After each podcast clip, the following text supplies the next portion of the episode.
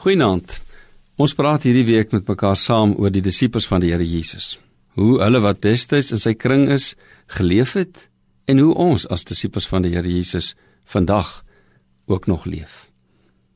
Ek wil jou graag voorstel aan twee mense vir wie dit nie so van selfsprekend was om te glo nie.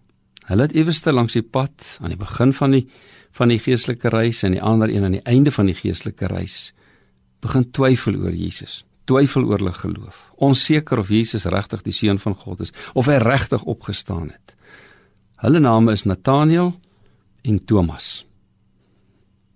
Van Nathanael lees ons dat hy aan die begin van die reis toe die Here hom geroep het en hy het Filippus gebruik om te sê hulle die Messias gekry.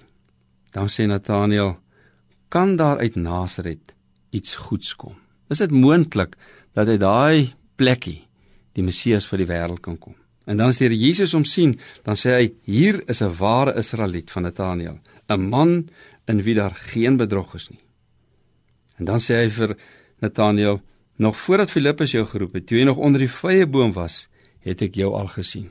Nathanael, ek weet dit is vir jou moeilik. Dit is nie altyd so maklik nie, maar onthou net, geloof het nie by jou begin nie. Die Here Jesus sê: "Ek het jou al gesien voordat ek nog met jou gepraat het. Psalm 139 sê dit. Die Here het my aan mekaar gewewe diep in die moederskoot. Elke dag is bepaal. Waar niemand dit kon sien, het hy reeds geweet wie ek is, sy plan met my lewe. So as jy soms wonder, oor een ding hoef jy nie te wonder nie. Want die geloof het nie by jou begin nie. Dit het by God begin en daarom as jy begin twyfel, gaan weer terug na waar dit begin het.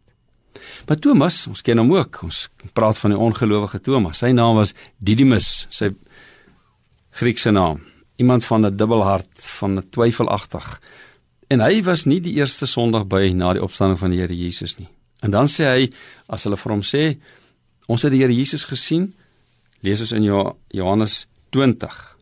Het Thomas gesê, as ek nie my merke van die spykers in sy hande sien en my vinger in die merke van die spykers steek en my hand in sy sy steek nie, sal ek nooit glo nie. Sjoe, harde woorde. Vir iemand wat en jy kan maar gaan kyk in Johannes 11 vers 16 gesê het, Here, ek sal u nooit verlaat nie. Ek gaan saam met u tot in die dood. Maar daar kom tog tye ook wat 'n mens sê maar ek is nie meer seker nie. Ek is al soveel keer deur die lewe gestamp en gestoot. Thomas, die ongelowige Thomas, die twyfelagtige Thomas, en Nathanael se boodskap is dieselfde vandag.